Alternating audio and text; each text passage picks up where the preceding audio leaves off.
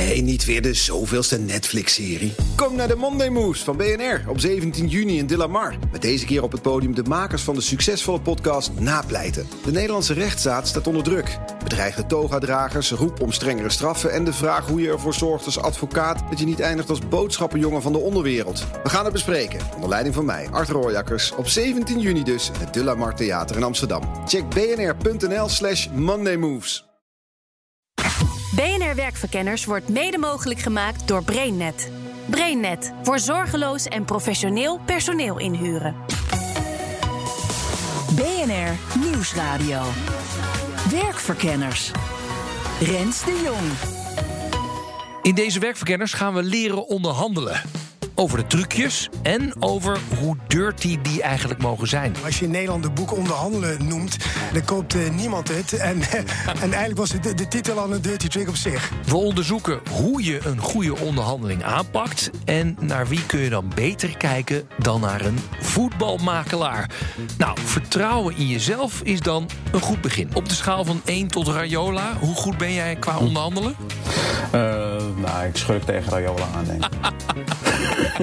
En rustig blijven, je emoties in bedwang houden... terwijl je wel snoeihard onderhandelt, dat is nog niet zo eenvoudig. Als de druk oploopt, de druk omdat je met een dominant iemand te maken hebt, tijdsdruk, de complexiteit van de inhoud of concurrentie die wil ook een deal doen, ja, dan ga je toch een beetje primair reageren. Wat gebeurt er dan? Of wat zie jij gebeuren? Ja, kijk, als mensen emotioneel worden, dan eh, zie je dat het denkproces naar achter verdwijnt en dan eh, gaan mensen impulsief reageren. En zoals je de Tour de France wint in bed... zo win je je onderhandeling vooral met wat je vooraf doet. De voorbereiding, dat is naar mijn idee zo'n 80% van het succes. Oké. Dan heb je het gesprek, zeg 15%. Ja. En dan 5%, dat is de, de afronding, eh, zeg maar de schriftelijke afronding. Rens de Jong. Om te weten hoe je goed kunt onderhandelen... moeten we eerst kijken hoe je zo'n salarisonderhandeling voorbereidt. We hoorden net al van Jack van Minden... dat de voorbereiding 80% is van het hele proces. Hij stelt zichzelf even aan je voor. Psycholoog. Ik heb in Amsterdam aan de UvA psychologie gestudeerd. En eh, business science in, eh, in Engeland, waar ik ook eh, gepromoveerd ben. Ja, en heel wat boeken op de naam. hè. Het is, Nou, wat ik hier heb meegenomen, dat is alles over salarisonderhandelingen. Wat een behoorlijk dikke pil is. ja, precies. Daar is twee keer is daar een, een pocketje uit, uitgetrokken. En de laatste keer dat is op naar een hoger salaris. Ja. En ik heb hier ook meegenomen listig in lastige situaties.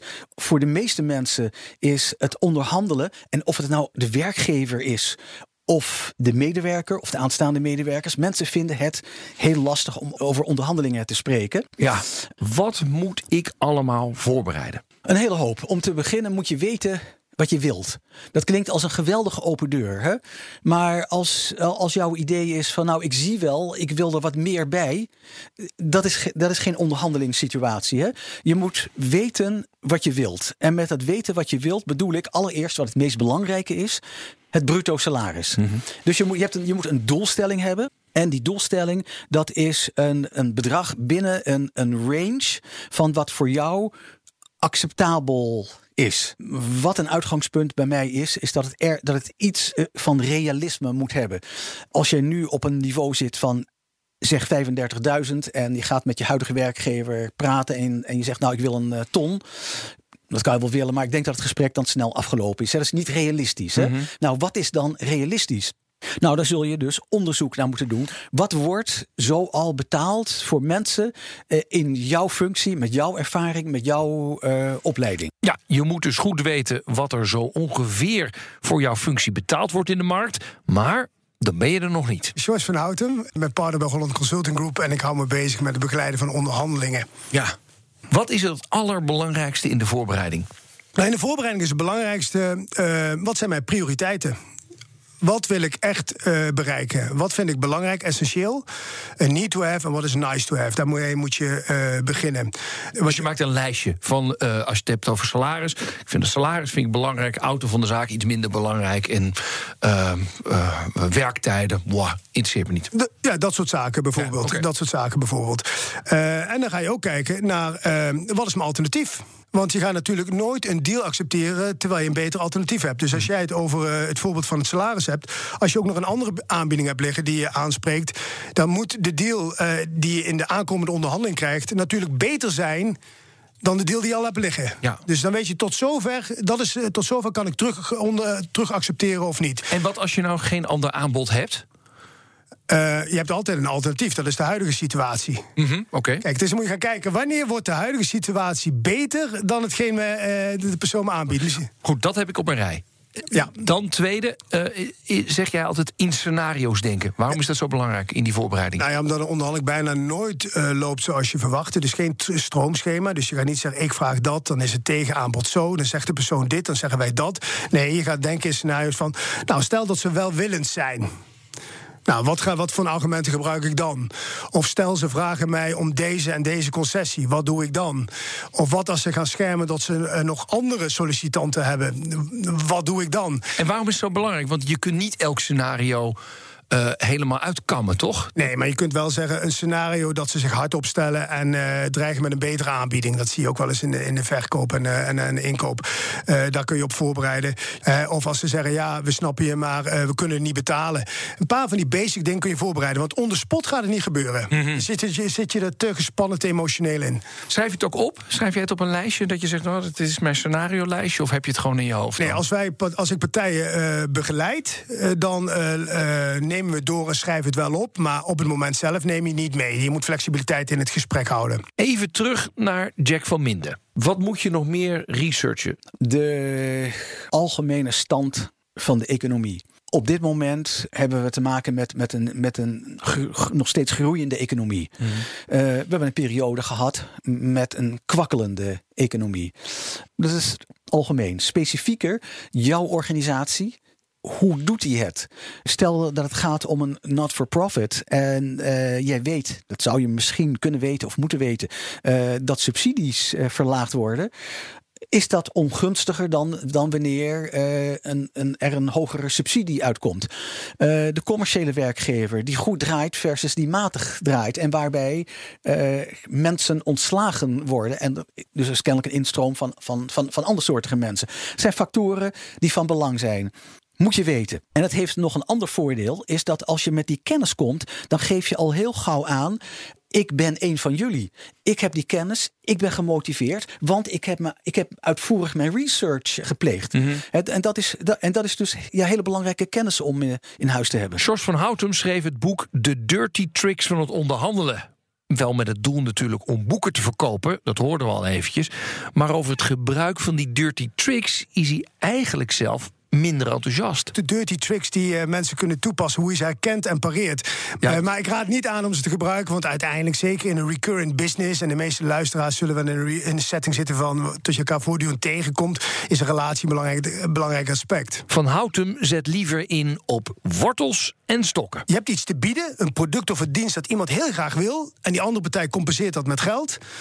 Of je hebt een stok. Dus je hebt de wortel of de stok. De wortel is je hebt iets te bieden. En de stok is als jij niet met mij zaken doet, dan, nou vul maar in. Eh, dan ben je niet met de preferred supplier. Dan moet je ieder jaar opnieuw eh applyen. Of bij vakbondsonderhandelingen, dan gaan we staken. Dus je kunt gewoon een lijstje maken. Wat is mijn wortel? Wat zijn de benefits voor de ander om met mij zaken te doen? Hopelijk heb je die, dat is prettig onderhandelen. En als je die niet hebt, moet je kijken, wat is mijn stok? Waardoor gaan ze pijn krijgen als ze niet met mij onderhandelen? Het moet één van die twee zijn. Je kijkt er ook zo vrolijk bij. Ja. En zo zit het leven in elkaar. Kijk maar voor de gelovige mensen onder ons. Als je goed gedraagt, ga je naar de hemel, dat is de wortel. En als je niet goed gedraagt, ga je naar de hel, dat is de stok. Zouden we eigenlijk niet allemaal onze eigen Mino Raiola moeten hebben? Onze eigen spelersmakelaar. Is dat niet een briljant idee? Eh, laten we daar eens even induiken. Hoe bereidt een spelersmakelaar zich voor op de onderhandelingen? Nou, ik leg het voor aan Roberto Branco Martins. Ik ben eh, advocaat en eh, vast adviseur van eh, ProAgent. Dat is de gekeurmerkte belangenvereniging voor spelersmakelaars in Nederland. Deze uitzending gaat over onderhandelen. Wat is wat jou betreft het meest belangrijke gedeelte? Nou, ik zou zeggen de voorbereiding en het gesprek. Ehm, ik denk dat als je kijkt naar de voorbereiding, visualiseer even, je zit uh, bij een speler thuis, de ouders zijn daarbij aanwezig. Ja, dan is de vraag van ja, hoe zie je je carrière? Wat is je eigen ambitie? En hoe kan ik als spelersmakelaar vanuit mijn realiteitszin en kennis van de markt toetsen of die ambitie die je hebt ten eerste wel realistisch is? Ja, ja. dus, dus het, begint, het begint bij het gesprek thuis, vaak met de ouders erbij. Uh, en waarom eigenlijk? Want dan, dan lijkt het wel alsof je actief op zoek gaat naar een andere club. Terwijl ik af en toe het gevoel heb, nee, die clubs die kloppen dan bij jou aan. Of werkt dat niet zo? Nee, kijk, het hangt af van de fase waarin de speler zit in zijn carrière. Nou, ik heb even voor de casus, hè, even om te visualiseren, een speler genomen die uh, ja, uh, zijn eerste contract getekend heeft en nu een volgende stap in zijn carrière wil maken. Dus die begonnen is bij een bepaalde club en die eigenlijk de ambitie heeft om ja, bijvoorbeeld een internationale overstap te maken. En dan heb je vaak de ouders aan tafel, de speler aan tafel. En dan is het een toets van ja, wat zijn voor jou mooie clubs? Wat is je ambitie? Wat is realiteit? En wat interessant is, is om te vermelden dat je ja, eigenlijk nog meer dan in andere sectoren, dat je in de sport natuurlijk um, ja, heel veel data-analyses hebt tegenwoordig. Hè? Mm -hmm. Dus uh, ik kan zelfs met een computerprogramma worden gekeken van oké, okay, als we jouw kwaliteiten helemaal in data stukjes uh, hakken. Ja, wat zou een interessante club dan voor jou oh ja? kunnen zijn? Hoe werkt dat dan? Ja, nou, dan kijk je wat zijn de kwaliteiten van de speler. Hè? Ja? Welke positie speelt hij? Hoe vaak heeft hij gepaast? Uh, wat zit er uh, qua ontwikkeling voor jou in? Er kan echt jaren in de toekomst kan er gekeken worden in feite. En vervolgens worden daar clubs naast gezet. Nou, dan kan je zijn dat jij droomt van een club als Barcelona, maar dat het misschien veel interessanter is voor jou om de komende twee, drie jaar bij Olympique Marseille te spelen. Om vervolgens die stap naar Barcelona te kunnen maken, omdat je daar misschien dan wel meer kans maakt om in de basis terecht te komen in plaats van nu, nu op de bank. Ja, ja, dus want je, je hebt dan het dataprofiel van de speler en het dataprofiel van de spelers bij bijvoorbeeld bepaalde clubs. En dan kun je zeggen, nou, op basis van data denken we dat je hier wel in de basis komt, maar daar op de bank terechtkomt, carrière technisch. Maak maar een tussenstapje. Zoiets werkt het dan. Ja, zo, dat, dat zou uh, heel, goed, uh, heel goed kunnen. Ja, ja. Hey, en stel je voor, daar kom je dus uit. Dus opeens zegt iemand, uh, nou, ik wil ja. inderdaad naar Olympique Marseille. En dan, hoe weet je wat een speler waard is? Want ik, de, de bedragen die af en toe op en neer gaan... het lijken wel A, dagkoersen. En B, spelers zelf zijn natuurlijk af en toe ook ja, zo goed als hun laatste wedstrijd. Ja, exact dat af en toe klopt. denk ik, Donny uh, van der Beek is zeker 50 miljoen waard. En af en toe denk ik, nou, uh, hou hem nog maar eventjes... want uh, zo krijgen we hem niet goed verkocht. Nee, en uh, nou ja, dan moet ik ook eerlijk toegeven dat daar natuurlijk een bepaalde ondoorzichtigheid zit in de markt. En dat is uh, de wijze waarop de waarde van, uh, van spelers wordt, wordt bepaald. Dat, dat blijft een beetje een, een doos van Pandora. Mm -hmm. Maar wat je, wel, wat je wel kunt zeggen is van oké, okay, hoe die bedragen ook worden bepaald. Feit is, spelers van een bepaalde leeftijd leveren X op in de markt. Bepaalde topclubs betalen vaak iets meer dan een middenmootclub als ze een speler uh, willen hebben. Uh, de, het carrièrepad van een speler bepaalt ook enigszins zijn, zijn waarde. Komt de speler bij Ajax vandaan of komt de speler ja, helaas bij Feyenoord vandaan... dan is die van Feyenoord op dit moment gewoon een stuk, uh, stuk minder waard. En wat je ook ziet qua waarde van spelers... dan heb ik het echt over de, ja, eigenlijk de absolute top is dat er gewoon steeds meer wordt gekeken naar uh, ja, de exploitatiemogelijkheden buiten het veld. Hè. Oh ja. uh, in, van, van, Instagram, uh, Facebook, nou ja, ga zo maar door. Zometeen focussen we ons op de tijd na het onderhandelingsgesprek. En dan begint de shit. Nou, waar je in de afronding op moet letten om het geen shit te laten worden, dat hoor je zo meteen. Werkverkenners. Maar eerst de do's en de don'ts van het gesprek zelf. Want we weten wat we willen. We weten wat onze range is. We hebben wortels en stokken meegenomen. En we gaan het gesprek in. Psycholoog Jack van Minden raadt vooral tact en diplomatie aan. Het is wel een uiterst belangrijke uh, saus. Uh, het kan geen kwaad om uh, tactvol en diplomatiek op te treden. In welke situatie dan ook. En het is makkelijker, of eigenlijk kun je zeggen, het is, het is doenlijk om van een, van, van een tactvolle situatie naar een meer provocerende en agressieve situatie te gaan. Ja. Dan andersom. Dat is vaak, vaak ondoenlijk. Ja, ja. Ja, ja. Dus dit, je, je kunt best wel provocerend zijn, maar gebruik het nou niet meteen. Maar gebruik het als een soort. De ja, basis zo geleid, tactvol en diplomatie. Een geleidelijke ja, ja. opbouw. Ja, hè? je, maakt, je, je begint niet met een kanon af te schieten, maar misschien met wat propjes. En misschien heb je daar succes mee. Ja. Dan heb je dat kanon helemaal niet nodig. Ja, en volgens George van Houtem speelt de angst dat je het niet voor elkaar krijgt een grote rol in onderhandelingen. Heel veel mensen zijn bang om te verliezen. En dat verlies, dat bang zijn om de deal te verliezen, ja, dat is een van de moeilijkste aspecten bij onderhandelen. Maar hoe ga je daar dan mee om? Want, want dat is uh, les 1 in onderhandelen, heb ik wel eens begrepen, is uh, uh, wees bereid om weg te lopen. Ja, dat klopt ook. Kijk, de, de, wat je ziet bij onderhandelen is in feite. wanneer is iets een goede deal? Er is ook een groot misverstand over de win-win. Heel veel mensen denken bij win-win. Bijvoorbeeld, iemand wil 2%, de ander wil 10%. Dan zou bijvoorbeeld 6% een, een mooi compromis zijn. Hè? Mm -hmm, ja. Dat noemen we dan win-win. Iedereen heeft evenveel gekregen of evenveel water bij de wijn moeten doen. Maar dat is een groot misverstand. Met win-win wordt bedoeld elke uitkomst waarbij een partij beter af is dan het alternatief.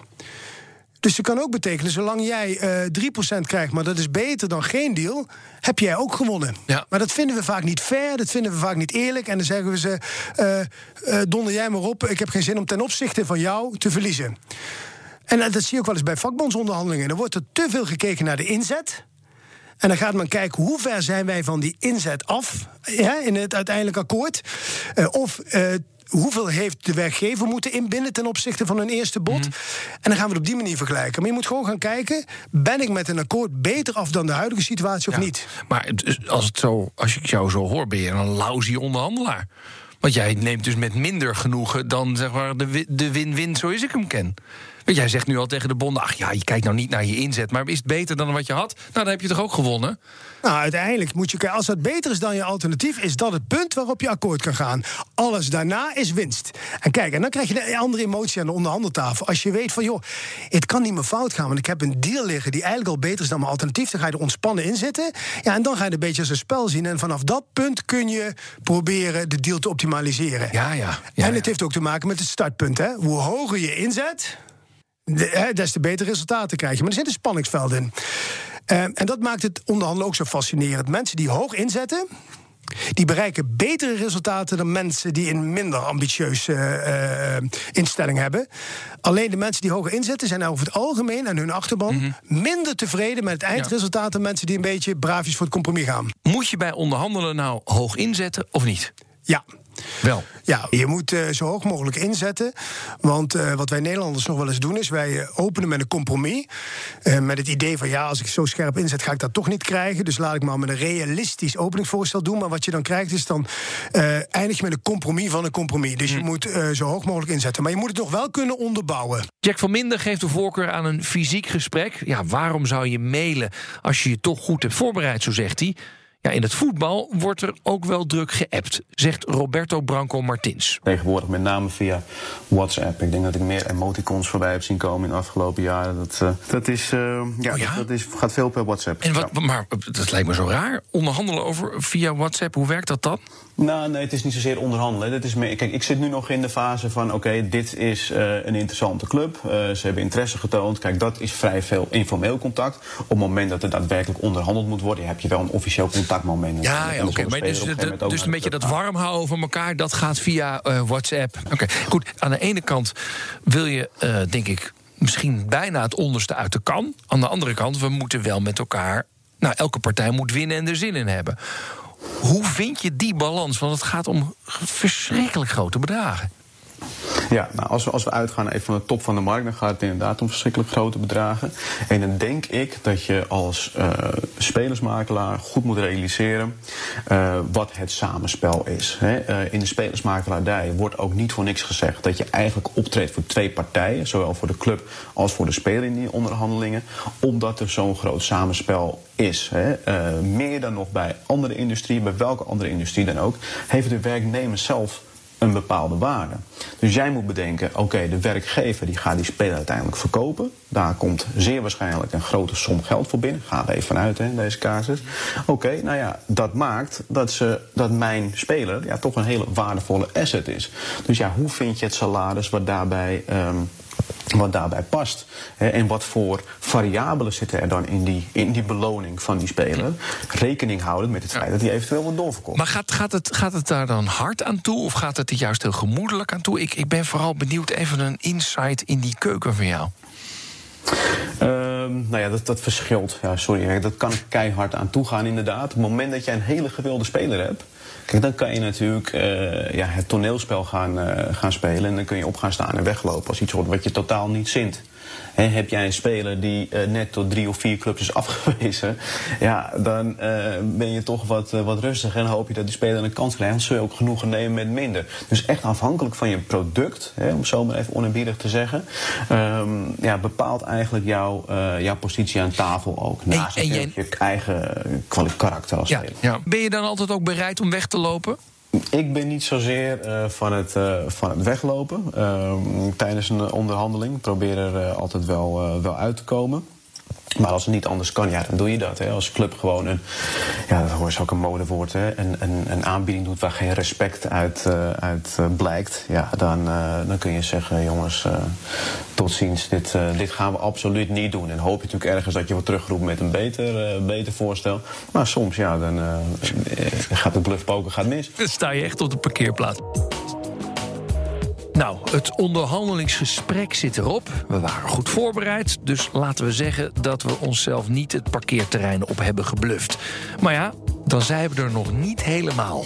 Al mijn gasten wijzen me erop dat het juist in de afrondende fase vaak misgaat. Ik wil even een heel saillant voorbeeld geven van eh, iemand die eh, in het aangeboden contract krijgt te lezen eh, dat hij minstens 40 uur per week moet werken. Dat is één woordje, minstens. Maar dat kan dus 80 uur betekenen. 100 uur. Dus dat is een slechte zaak. Als je dat ondertekent.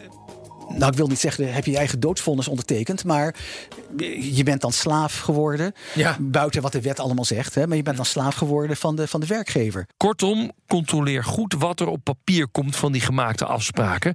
Staan er verraderlijke woorden tussen? Kloppen de bedragen? En als het goed is, dan ben je er. Toch, George van Houten? Dan kan het toch niet meer misgaan? Ja, ik zou een stap terug willen gaan met jou goed vinden. Vlak voor de afronding gaat het vaak mis. Oké. Eh, want je onderhandelt niet alleen namens jezelf, maar ook namens de achterban. En de ander moet ook een goed gevoel hebben. Dus je achterban moet een goed gevoel hebben, jij moet een goed gevoel hebben en de ander. Eh, ik pleit er vaak voor om het op een impasse te laten aankomen. Oh. Ja, omdat eh, stel je nou het volgende is voor. eh, ik denk dat jij ook in het, eh, in het voorzitters, dagvoorzitterscircuit zit. En een, een partij die huurt jou in. En. en die zegt van, nou, wat is je tarief voor, voor vier uurtjes voorzitten? En jij zegt bijvoorbeeld eh 2000 euro. En ze zeggen akkoord. Ja, aan de ene kant denk je misschien wel lekker, maar je denkt ook, ah shit, ik had misschien ook wel drie kunnen vragen. Eh, dus het, het, moet, het proces van onderhandelen moet ook goed voelen. De- Iedereen moet een beetje het idee hebben, meer zat er niet in. Een deal die te snel tot stand komt, voelt niet goed. Dus laat het op een impasse aankomen. Ah. Even schorsen, het moet even wrijven. Dat is al één. Oké. Tweede is, kijk uit, ook voor een dirty trick. En dat is de afleidingsvraag. En de afleidingsvraag is dat iemand zegt, vlak voor tekenen... we kunnen akkoord gaan, maar er moet nog één wijziging plaatsvinden. Wat kies je? Ga je voor een drie jaar contract of krijgen we 5% korting? Wat wordt het? Ja, en dan zie je ook mensen vaak. eh, eh, en dan kiezen ze de lesser of two evils. Dat zijn van die trucjes die typisch aan het einde eh, plaatsvinden. En, en daar moet je voor uitkijken. Want dat kost je een hoop geld. Onnodig hoop geld aan het einde. Dus ook daar zeg je, laat me er nog even over nadenken. Laten Dus- we er even over nadenken. En kom altijd met een tegenvoorstel. Dat is sowieso één tip. Kom altijd met een tegenvoorstel. Eh, dus als iemand met eh, wat kies je, neem even drie tellen de tijd. Dan ga je weer rationaal, rationeel, ratio- eh, rationeel nadenken. En dan is het niet meer, ik heb de keuze tussen deze twee, de lesser of two evils, maar er is ook een derde keuze. En die keuze breng jij in. Ja, oké. Als we het hebben over salaris, dan neem ik aan dat, het- dat we niet zo lang in een impasse horen te zitten. Dan moet gewoon eh, die, die cloud eronder gezet worden, toch? Ja, nou ja, je kunt soms kijken, als je, als je het gesprek prettig voert, dan is die impasse niet erg. Dan moet je, als je vriendelijk bent, dan zeg je, joh, ik reageer maandag. En dan kun je zeggen, ik heb akkoord, maar ik- nog één klein verzoekje. Ja, dat heet het optimaliseren van de deal. Maar soms zijn we wel tevreden met de deal op zich. Is ook goed. Dus we beginnen met een uitgebreide voorbereiding. Inlezen wat je wel en niet kunt vragen. Bepalen wat je wilt. Scenario's uitdenken met keiharde gesprekspartners. Maar ook met hele vriendelijke, die misschien ongemerkt meer op je gevoel inspelen. Begin vervolgens rustig aan het gesprek. Kijk wat je met tact bereikt. Je kunt altijd nog je kanon pakken. Zet hoog in, maar probeer een kleine verhoging ook als winst te zien. En als je de zaakwaarnemer vraagt. Je zou in de onderhandelingen ook eens mee kunnen nemen van ja, wacht eens even, jij neemt mij over nu of ik stap over naar een ander bedrijf. Ja, die ervaring die ik heb, wat is dat eigenlijk uh, waard? Weet je wel? Ik wil niet zeggen dat mensen het totaal niet doen, maar misschien meer een holistische visie van die algoritmes, hoe je dus kunt zien hoe de waarde van een individu bepaalt. Ja, zie jezelf eigenlijk als uh, voetballer, weet je wel? Zie jezelf als voetballer en als product uh, wat een meerwaarde moet gaan leveren bij, bij de voetbalclub. Zie jezelf als voetballer en de, de werkgever als voetbalclub. En laat je fantasie gewoon lekker de vrije loop. Zie jezelf als waardevolle voetballer. Nou, dit was Werkverkenners voor deze week. Volgende week krijg je weer een verse op dinsdag om half vier. En natuurlijk in je podcast-app kun je hem op ieder moment terugluisteren. Tot de volgende keer. Dag. BNR Werkverkenners wordt mede mogelijk gemaakt door BrainNet. BrainNet voor zorgeloos en professioneel personeel inhuren. Ook Bas van Werven vind je in de BNR-app. Ja, je kunt live naar mij en Iwan luisteren tijdens de ochtendspits. Je krijgt een melding van Breaking News. En niet alleen onze podcast Ochtendnieuws, maar alle BNR-podcasts vind je in de app. Download nu de gratis BNR-app en blijf scherp.